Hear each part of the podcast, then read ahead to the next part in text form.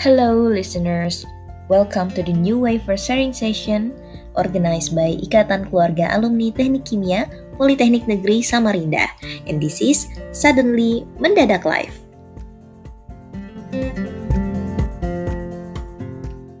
Bisa dengar dengan baik. Oke. Boleh lanjut ke ini, Kak? Boleh, boleh. Betul kita sampai setengah enam kan ya? Atau sampai malam ini? Mas, pengennya sih sampai sampai pagi, Kak Lalang. Banyak sekali pertanyaan-pertanyaan. Lanjut ya, Kak Lalang. Oke, silakan. Silakan. Ada ini, Kak, Kak Lalang. Kan tadi Kak Lalang sempat singgung itu terkait rindu tentang Polnes termasuk Tekim. Apa sih yang Mm-mm. Kak Lalang rindukan di Polnes? Apakah dosennya atau teman-temannya Kak Lalang dulu? Atau Kak Lalang memang sudah cinta sama Tekim Polnes? Kalau bilang apa yang buat saya rindu dengan teknik kimia gitu ya, terutama mungkin eh dengan Polnes terutama teknik kimia gitu ya. Mungkin yang membuat saya rindu adalah eh, suasananya sih. Mungkin kalau dulu kita dengar cerita ada pohon ketapang, eh, pohon ketapangnya udah ditebang gitu ya. Nah, itu salah satu eh, spot tempat yang merindukan gitu. Nah, yang kedua mungkin kalau ditanya kenapa saya eh, rindu dengan Polnes gitu, Tekim terutama, karena mungkin passion ya gitu. Passion karena mungkin cita-cita saya juga mungkin kayak Kak Febri tadi gitu ya. Eh, saya eh, bercita-cita mungkin nanti bisa mengabdi, mungkin bukan hanya lewat IKA, mungkin jadi salah satu staf pengajar mungkin seperti itu. Namanya cita-cita gitu ya. Mantap sih. Oh ya Kak Lalang, Gitu. tadi Kak Lalang juga bahas tentang itu pengen pengen mengabdi lah. Ada nggak Lalang pernah terpikir kalau dulu pas lepas dari setelah lulus D3 terus lanjut D4 pengen lanjut S2 karena kan Kak Lalang juga grade-nya bagus banget lah, maksudnya mendukung Mm, buat mm, mm, lanjut mm. S2. Gimana Kak Lalang pendapatnya gitu? Baik, baik. Jadi, jadi eh, saya pernah eh, dulu pernah sering saya sering sharing gitu ya, sering session di teman-teman himpunan atau mahasiswa baru gitu ya dulu. Eh, hidup kita 5-10 tahun ke depan itu based on planning kita sebenarnya gitu. Jadi kita mau ngapain, kita mau jadi apa, kita pengen apa, itu akan kesampaian dengan sendirinya gitu. Dan itu udah saya buktikan gitu. Jadi dulu saya ngambil kena dulu karena belum ada D4 ngambil D3 karena biar cepat kerja gitu ya. Cuman saya dulu bilang nanti begitu D3 saya harus kuliah lagi nih gitu. Karena kalau jadi dosen harus harus S2 kan memang.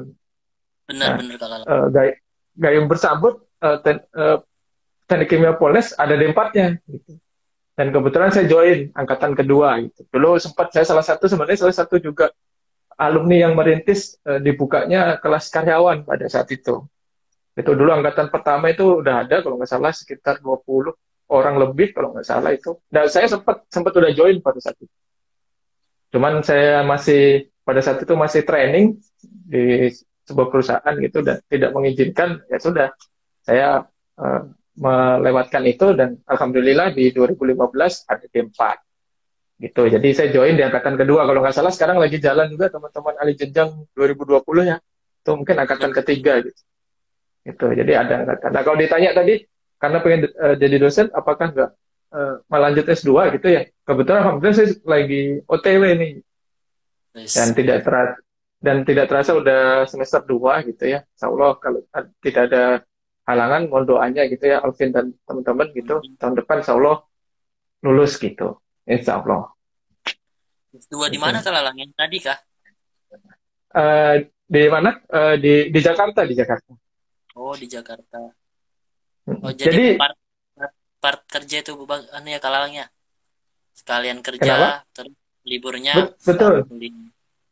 Betul, dan kebetulan eh, karena pandemi ini, jadi kalau kita bicara pandemi ini kan ada sisi positif, ada sisi negatif gitu ya. Negatifnya kita nggak bisa ketemu langsung, kita dibatasin ke mana-mana harus protokol kesehatan dan sebagainya. Tapi di sisi positifnya itu ternyata lumayan banyak juga gitu. Dan saya kuliah bisa online di di kelas Sabtu Minggu gitu. Jadi Sabtu Minggu kelas online kuliah. Jadi banyak sih gitu. Dan nggak terasa udah dua semester gitu. Kalau ke Jakarta, Bontang Jakarta bolak-balik tiap minggu ya. Kalau dulu mungkin di Samarinda aja ayo lah gitu ya gitu Alvin jadi kalau saya kalau kalau kalau kuliah gitu ya kalau kita kuliah uh, terus lulus gitu nah lulus itulah dunia sebenarnya gitu di situ nanti kita mulai mulai punya gambaran nih. Saya mau uh, hidup bahagia dengan keluarga saya dengan kerjaan saya atau saya harus mengabdi ke tempat lain gitu. Itu semua pilihan. Dan mungkin uh, uh, salah satu gambaran gitu ya uh, kita uh, berapa minggu lalu kehilangan dua dosen. Nah, di tahun sebelumnya kita kehilangan salah satu founding fathernya teknik kimia gitu ya Bapak Muhammad Sahir dan beberapa minggu lalu kebetulan uh, Ibu Irma gitu ya, Irma salah satu founding father juga teknik kimia kehilangan. Jadi saya itu kemarin mendapat pelajaran besar dari itu. Pelajarannya apa? Bahwa ternyata dosen itu dicintai juga sama siswanya gitu. Gitu. Gitu dan maksudnya dan itu terakhir uh, maksudnya gini, dosen itu dicintai sama siswanya gitu maksudnya gini. Uh, uh, dengan uh, kemarin kita kehilangan salah satu dosen terbaik kita gitu ya. Itu tuh saya kira kan selama ini kalau dosen itu ya sudah kita udah jadi alumni kita udah kerja ya gitu aja gitu. Dan ternyata masih banyak alumni alumni kita itu yang punya ikatan batin. Benar. Terlihat dari mana? Terlihat dari mana? Dari donasi. Kemarin donasi itu lumayan banyak gitu. Dan itu cuma hitungan kalau tidak salah 9 jam 9 ke jam 1 paling sekitar 3-4 jam gitu. Dengan donasi segitu itu luar biasa gitu. Saya nggak nyebutkan nominalnya gitu ya. Cuman cuman itu banyak banget. Dan dan dari alumni aja banyak banget gitu. itu mungkin. itu dan dan mungkin kalau kalau Alvin ikut apa ikut pusdima gitu ya. Atau sering uh, di uh, di kajian-kajian gitu ya. Kebetulan saya bukan ustadz gitu ya. Jadi uh, salah satu uh, ilmu atau salah satu amalan yang tidak terputus adalah ilmu yang bermanfaat nah itu itu yang mungkin membuat kita ujung-ujungnya bahwa kembali ke Polnes gitu, ke teknik kimia itu salah satu pilihan. Bener Kak Lalang. Oh iya ini pengen nyapa kakak-kakak dulu ya. Kapia. Oh, silakan. Ini, ini ada Apian Dono ini teman teman best friend saya juga ini gimana Kak Apian Dono kabarnya? Gimana Bang Apian Dono? Oh dulu dia ini ajudan saya sebagai ketua himpunan ini Apian Dono ini. Banyak yang berarti pengikutnya Kang Lalang ini. Udah jelas. Uh, bukan bukan banyak sih, cuman kita uh, bukan pengikut, mungkin uh, apa ya, mencoba berbagi kebaikan gitu. Benar, mantap.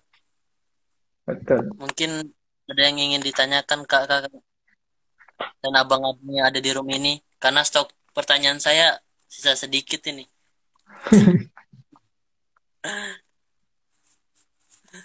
uh, boleh ini nih kak apa namanya pertanyaan dari saya sendiri sih ini? Ya silakan. Kan sebagai orang yang apa namanya yang seharusnya nanti kita ketika lulus di jadi mahasiswa itu kan kak harapan kita semua pengen dapat kerjaan yang baik.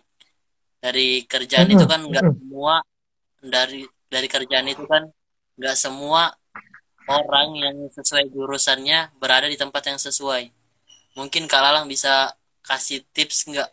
Apa sih sebenarnya kemampuan atau skill yang kita dipakai nantinya mungkin dalam jangka waktu yang panjang.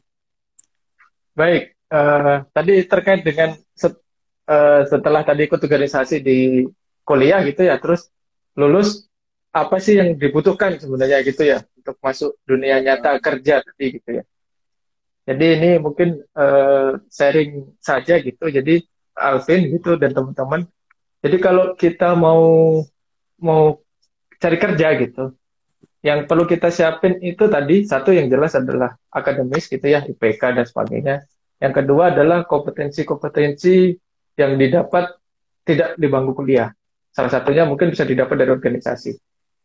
Yang ketiga adalah uh, asah soft skill lain gitu. Seperti misalkan bahasa, bahasa Inggris, eh, kompetensi-kompetensi lain gitu.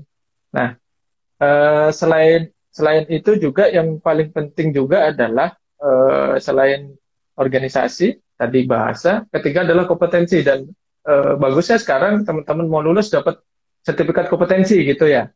Nah itu salah satu yang perlu disiapin.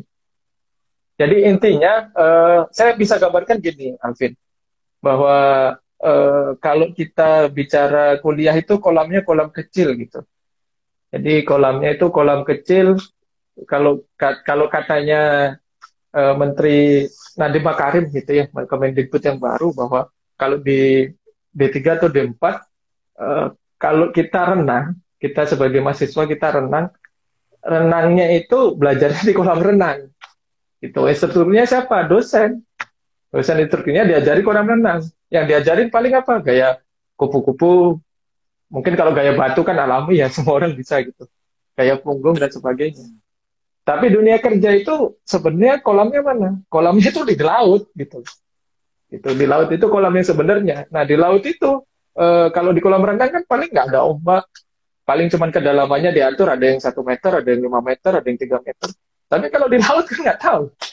Gitu. Benar, Kolamnya uh, laut ada ombak, ada kedalamannya nggak tertentu. Nah, itu itu yang perlu disiapin menurut saya. Jadi itu bagus sekali kalau menurut saya sekarang uh, Pak Nadim itu Mas Menteri gitu ya.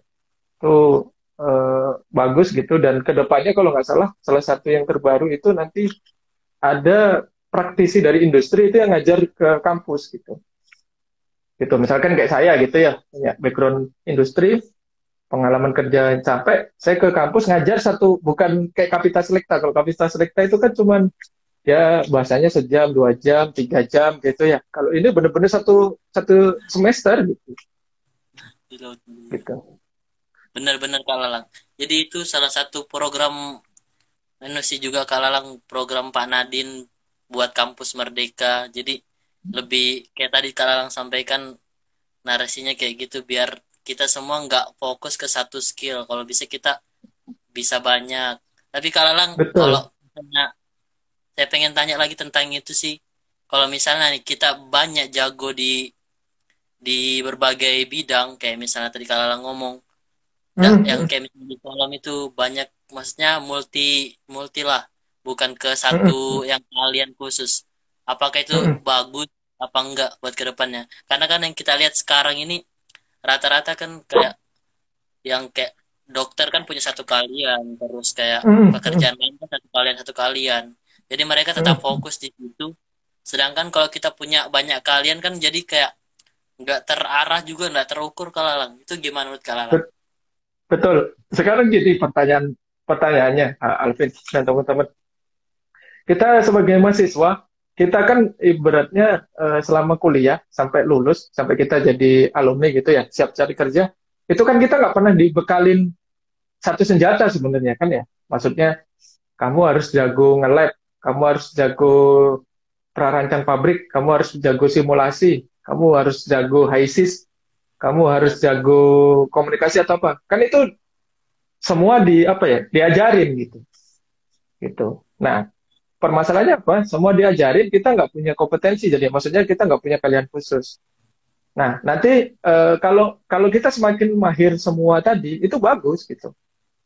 Apa bagusnya kalau kita menguasai semua, begitu nanti tadi yang dibilang di kolam air laut tadi gitu ya, di laut tadi, kita nanti akan sendirinya punya punya kompetensi, oh ternyata saya ini jagonya apa gitu. Dari yang tadi dibekalin di kampus gitu. Di kampus oh, saya diajarin uh, teknologi pengolahan limbah, ling, uh, transportasi fluida, neraca massa dan sebagainya. Nah itu kita serap semua. Nanti begitu seperti saya gitu ya, begitu kerja ya eh, pasti pasti satu aja nggak mungkin. Misalkan saya kerjanya sebagai operator gitu. Operator kan nggak mungkin.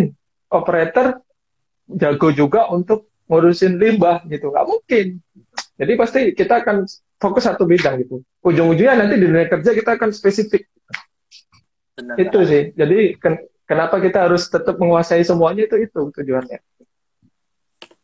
Kecuali misalkan Alvin sudah tahu nih dan teman-teman yang mahasiswa atau alumni udah tahu nih, oh saya nanti kalau lulus saya pasti keterima kerja di di perusahaan Pertamina nih. Ya itu urusan lain. Oh berarti saya harus belajar teknologi minyak, pengolahan minyak buminya harus kuat.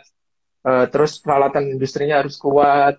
Uh, bahasa Inggrisnya nggak perlu lah gitu misalkan itu kalau kita udah tahu sih gampang kan kita nggak tahu apalagi yang tadi disampaikan tadi yang sempat kepotong tadi bahwa sekarang sudah revolusi industri 4.0 gitu itu ya sebentar lagi mungkin sebentar lagi mungkin 5.0 gitu ya. Nah sekarang itu segalanya akan otomasi gitu.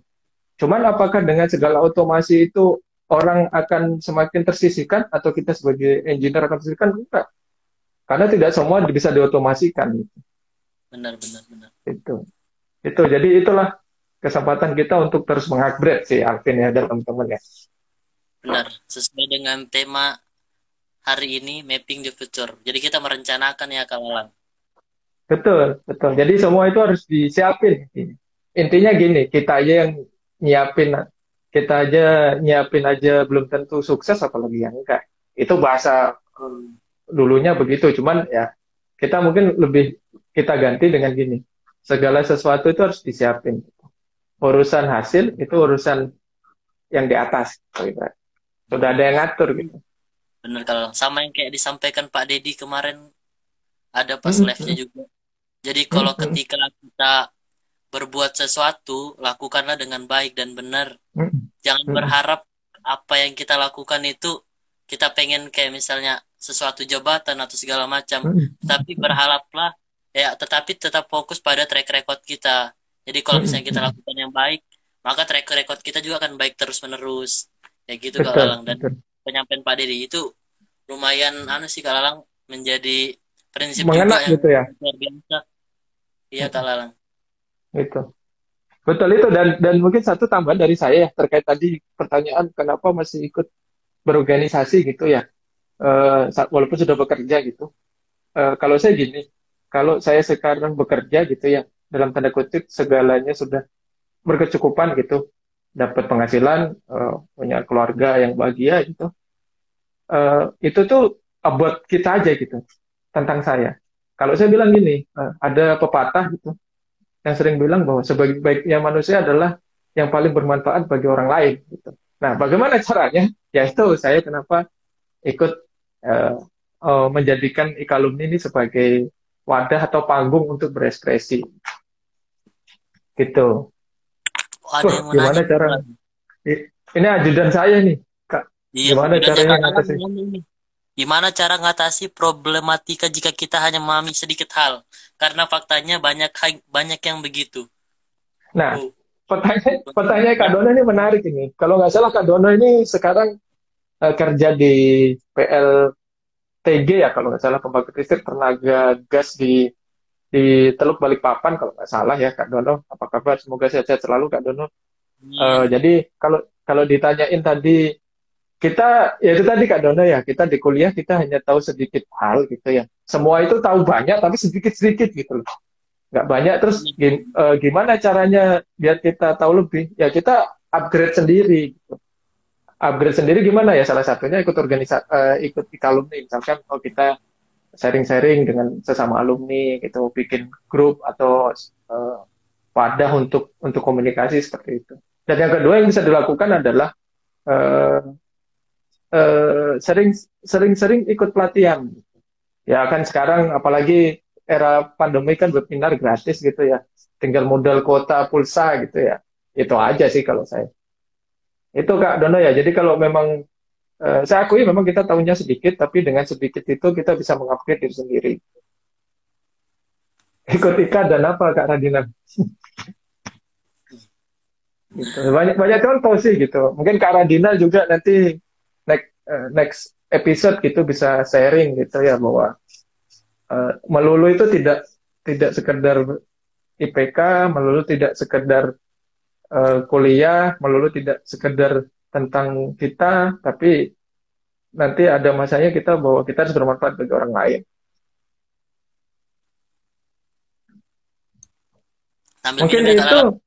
Ya, ya, silakan. Gitu. Oh iya kalau Lang ini bentar kalau Lang satu pertanyaan lagi sebelum ditutup. Oke. Okay, ini kalau ini kan jadi problematika juga jadi problem yang sangat sering terjadi di organisasi.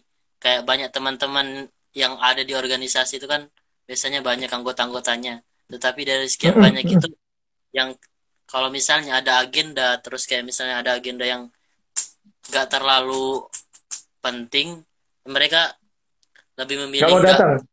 nggak mau datang. Terus kayak di Nggak mau grup ikut. juga kurang aktif kayak gitu kan Lalang. kalau menurut Kak. Lalang ini kan karena pengalaman Kak Lalang juga pernah jadi ketua hima mungkin gimana antisipasi kalau misalnya kayak gitu? Baik solusinya gitu ya Lalang baik baik. Jadi jadi Alvin gitu ya bagi teman-teman mahasiswa ini ya ap- apalagi penggiat-penggiat organisasi gitu ya. Sekarang mungkin kayak Alvin wakil ketua himpunan gitu. Kalau seperti itu mungkin nanti foto yang berbicara ada kayaknya di Instagram saya itu ada foto eh, after dan before gitu. Nah yang afternya itu ada lima orang. Dulu saya yang itu pas pada saya setelah eh, dilantik menjadi ketua alumni eh, ketua IKA kedua gitu jadi pas mau ganti ya, mau pergantian ke kalau nggak salah setelah saya itu Kak, Kak siapa ya? Kak Radinal atau siapa ya? Lupa saya atau Kak Badrun ya. Angkatannya pengganti saya gitu. Eh, eh bukan Badrun kayaknya si Kak Radinal atau Kak Rasid lupa saya. Itu. Nah, eh Mu- eh, Muster ya namanya. Kalau nggak tahu sekarang masih sama atau enggak gitu namanya Muster. Nah, Muster itu Lalang betul. Kenapa? Musyawarah gitu ya Ya, musyawarah terpadu kalau dulu namanya. Oh iya, Kak Tommy, bener, bener Kak Rajuna, Kak Tommy gitu ya. Muster itu dulu dihadirin cuma lima orang, gitu. Itu cerita sih Kak Alvin gitu ya. Jadi itu lima orang, saya dengan eh, teman-teman berlima. Pada saat itu tidak ada yang mau datang. Nah, pada saat itu kita ngerasa kok, kok kayaknya nggak ada yang mau berorganisasi nih, kok nggak ada yang mau peduli sama himpunan.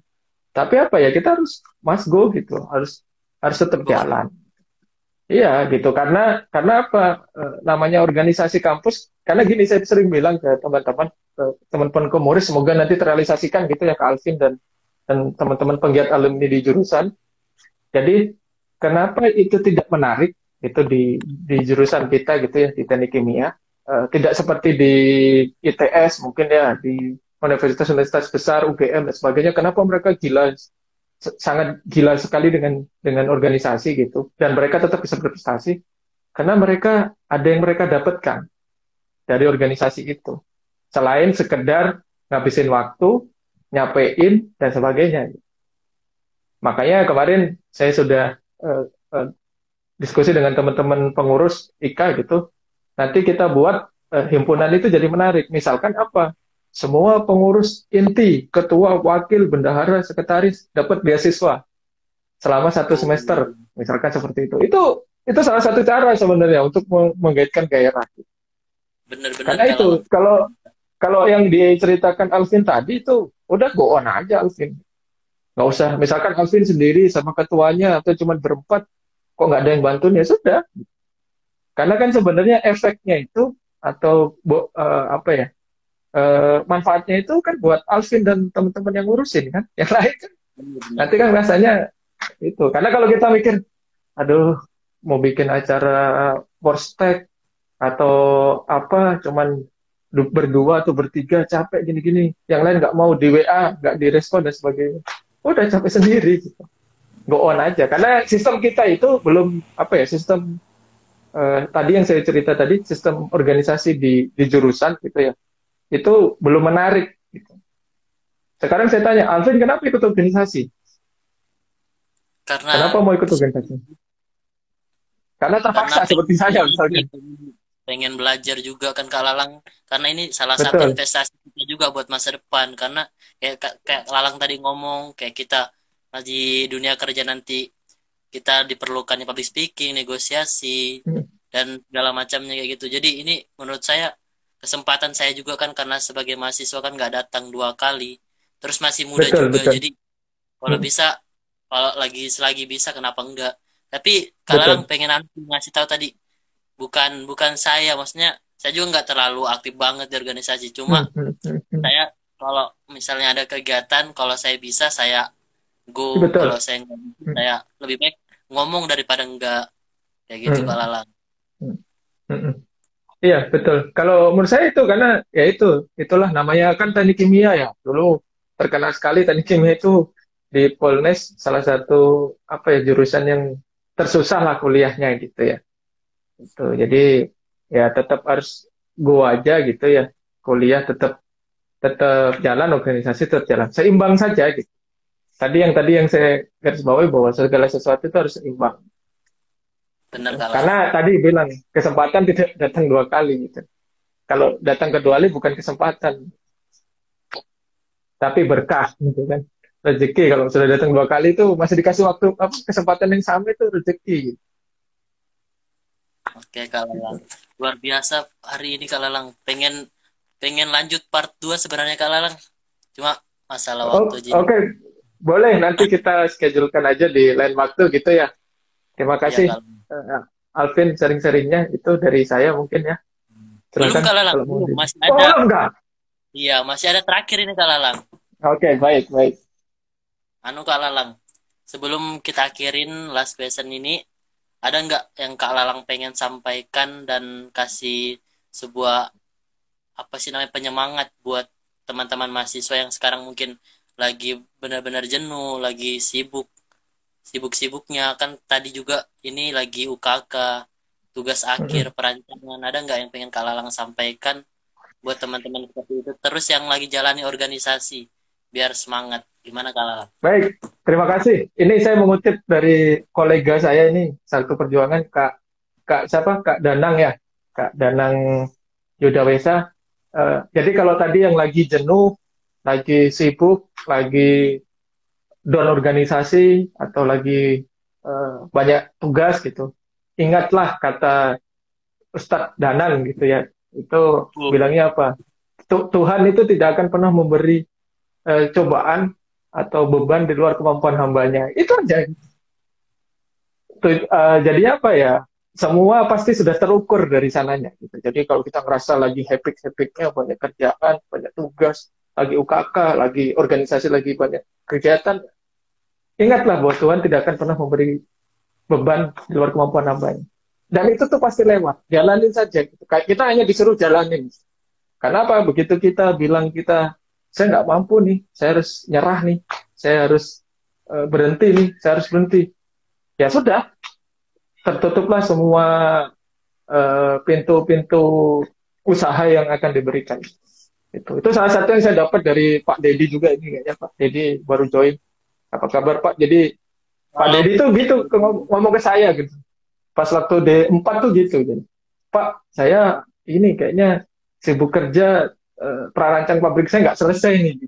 Terus tak, terus gimana? Pas Pak Dedi masih kajur gitu Pak bilang. Terus saya bilang, oh Pak, saya eh, saya izin aja satu semester tahun depan aja saya sidang gitu karena nggak mungkin. Terus kata Pak Dedi apa? Jalanin saja gitu loh. Kalau kamu nanti nggak kamu kerjain, nggak kamu jalanin, kalau kamu larut-larutin, bisa jadi kamu nggak lulus tahun depan. Itu. Jadi itu kuncinya cuma itu. Intinya satu, Tuhan tidak akan pernah memberikan cobaan di luar kemampuan hambanya. Itu aja. Dan saya tuh, Yang saya mau ingat berusaha, betul, penting kita mau ikhtiar benar-benar. betul, betul. Gitu. Ibarat contohnya ini terakhir gitu ya. Ibarat contoh gini. eh, bagi alumni juga gitu ya. Tadi nyambung juga gitu. Jadi sekarang yang belum bekerja, belum dapat kerja, sibuk, bingung, gini mau kerja apa atau apa. Intinya gini aja, sesimpel ini bahwa eh, Tuhan itu telah mengatur rezeki. Tadi kan tiga hal itu, ya. rezeki udah diatur. Contoh burung, burung itu sudah dijamin dia, dia berangkat pagi, pergi sama anaknya ke mana, pulang-pulang dia kenyang juga gitu loh. Sudah dijamin gitu loh. Jadi sekelas burung aja dijamin asal dia mau berusaha gitu. Kalau kita mau berusaha insya Allah ada jalan. Gitu. Itu itu pengalaman hidup yang mungkin bisa kita eh, kita ceritakan di di next kesempatan gitu. bahwa segala sesuatunya itu tidak instan karena mie instan aja masih perlu direbus gitu ya. Itu masih perlu diseduh dan sebagainya. Jadi tetap butuh proses gitu. Kalau kamu mau jadi orang hebat seperti Pak Dedi, misalkan sekarang jadi wadir gitu ya, tadi be- bekerja, bekerja, direktur dia Lalang. alham, am- amin, amin. Amin, amin. Itu jadi itu Alvin, jadi harus tetap ikutin alurnya gitu. Siap Kan ibaratnya Lalang. nggak nggak mungkin gini, Alvin kalau dibilang tadi saya lagi pusing nih, lagi banyak tugas, lagi UKK dan sebagainya. Kalau kan nggak ada yang instan, oh saya habis lahir jadi bayi langsung aja saya kuliah gitu, nggak ada. Semua proses jadi bayi, jadi balita, SD, SMP, SMA harus ikutin aja gitu. Kan kita ibaratnya uh, film itu kita itu uh, aktornya gitu. Di dunia ini panggungnya kita aktor, jalanin jalanin saja gitu ya, jalanin saja kita aktor. Ceritanya gimana dan ceritanya nanti udah dia ngatur gitu. Ikutin saja. Gitu. Kita tetap berusaha yang terbaik, uh, lakukan yang terbaik dan pesan saya satu jangan lupa uh, kan orang tua dan orang-orang yang berjasa di sekitar kita. Gitu. Karena kita tidak pernah tahu bahwa misalkan Alvin nanti sukses gitu. Berkat doa doa dari dari dosen. Misalkan Pak Dedi doakan tiap hari semoga uh, alumni teknik kimia kerjanya bagus-bagus. Itu kita nggak tahu. Padahal doanya dia itu doa yang dijawab gitu. Itu kita nggak pernah tahu. Jadi itu itu tujuannya. Mantap luar biasa hari ini. Ya sudah hampir dua jam kalau kita diskusi Iya, nggak terasa ya perasaan. Iya. Kayak baru perasaan baru mulai lagi. Kayak baru mau betul, mulai. Apalagi, betul, apalagi Pak Deddy baru gabung ini. Iya, sudah kalah guys. Jadi pengen nambah lagi, cuma waktunya iya. nggak iya. bisa. Betul. ya mungkin kepada abang-abang, kakak-kakak dan mungkin Pak Dedi ini sudah di penghujung waktu. Mungkin tidak tidak ada lagi pertanyaan ya kemudian sarannya kemudian pengalaman penambahan dari Kak Lalang juga udah luar biasa ya nyampaikannya dengan semangat dengan benar-benar tulus. Mas saya kenapa apa ya namanya masnya kenapa hal ini penting sekali buat mahasiswa tekim yang udah yang masih bar, yang masih baru di teknik kimia karena kini proses proses kita juga kan karena kakaknya juga sudah duluan. Jadi kita pengen dibimbing pengen jangan sampai hal-hal yang kayak tadi Kalalang bilang hal-hal yang kurang baik itu terjadi lagi di kita. Kalau bisa sama-sama kita perbaikin biar lebih bagus lagi kan koordinasinya dan segalanya. Jadi pada semuanya mungkin itu saja yang dapat saya sampaikan. Ambillah yang baiknya jangan yang buruk yang buruknya diperbaikin Kemudian mohon maaf apabila terdapat kata-kata yang kurang berkenan dari saya. Baik, uh, si Alfred, mungkin terakhir dari saya penutup boleh? Boleh, boleh Kak Lalang. Uh, baik, uh, mungkin di kesempatan ini tadi udah sampaikan terima kasih ya. Uh, semoga kegiatan-kegiatan semacam ini gitu ya. Uh, saya bilang saya mengedepankan mutu sinergi dan kolaborasi gitu ya. Jadi semoga kegiatan IKA dengan himpunan gitu ya, himpunan jurusan dan nanti mungkin dengan jurusan sendiri gitu, itu berjalan terus dan mungkin bagi teman-teman alumni yang join dan menonton uh, live ini, uh, silahkan manfaatkan IKA alumni sebagai wadah untuk mengembangkan diri gitu. Kalau misalkan butuh tempat sharing terkait tadi kompetensi terkait keindustrian, engineering dan sebagainya, silahkan kita bentuk wadah gitu ya. Atau ingin menyalurkan uh, rezeki, menyalurkan ilmunya, berbagi ke teman-teman mahasiswa, ya kita fasilitasin. Jadi kita saling kolaborasi dan sinergi saja. Karena karena semakin banyak orang terlibat, semakin banyak simpul-simpul kebaikan itu di, dilakukan gitu. Ibaratnya kalau kita saya sendiri, Alvin sendiri, himpunan sendiri, Ikalumi sendiri beras gitu.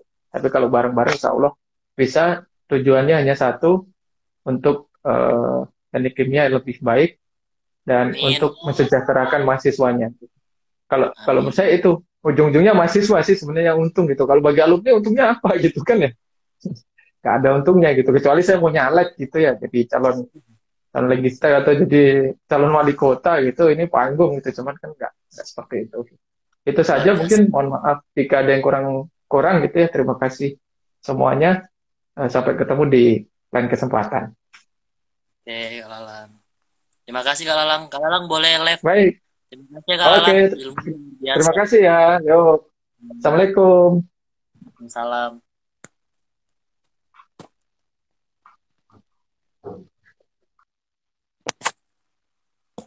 Halo, jadi hari ini kita sudah melaksanakan sadania mendadak live episode keempat. Semoga apa yang disampaikan narasumber kali ini bermanfaat buat kita semua. Kemudian apa yang disampaikan Kak Lalang yang baik-baiknya diambil. dari saya juga pribadi mohon maaf jika terdapat banyak hal-hal yang kurang berkenan. Sekian mungkin dari saya. Kita tunggu live selanjutnya. Semoga luar biasa lagi dengan narasumber yang kece. Terima kasih. Assalamualaikum warahmatullahi wabarakatuh. Semangat. Kami ada karena kami bisa Temukan episode menarik lainnya melalui aplikasi digital platform berikut ya. Untuk versi audio, Anda dapat mendengarkan melalui Spotify, Google Podcast, Radio Public, dan Anchor.fm. Untuk versi video, Anda dapat menyaksikan secara langsung melalui kanal live Instagram kami di @keluarga besar Tekim dan juga channel YouTube kami di Keluarga Besar Tekim Polnes.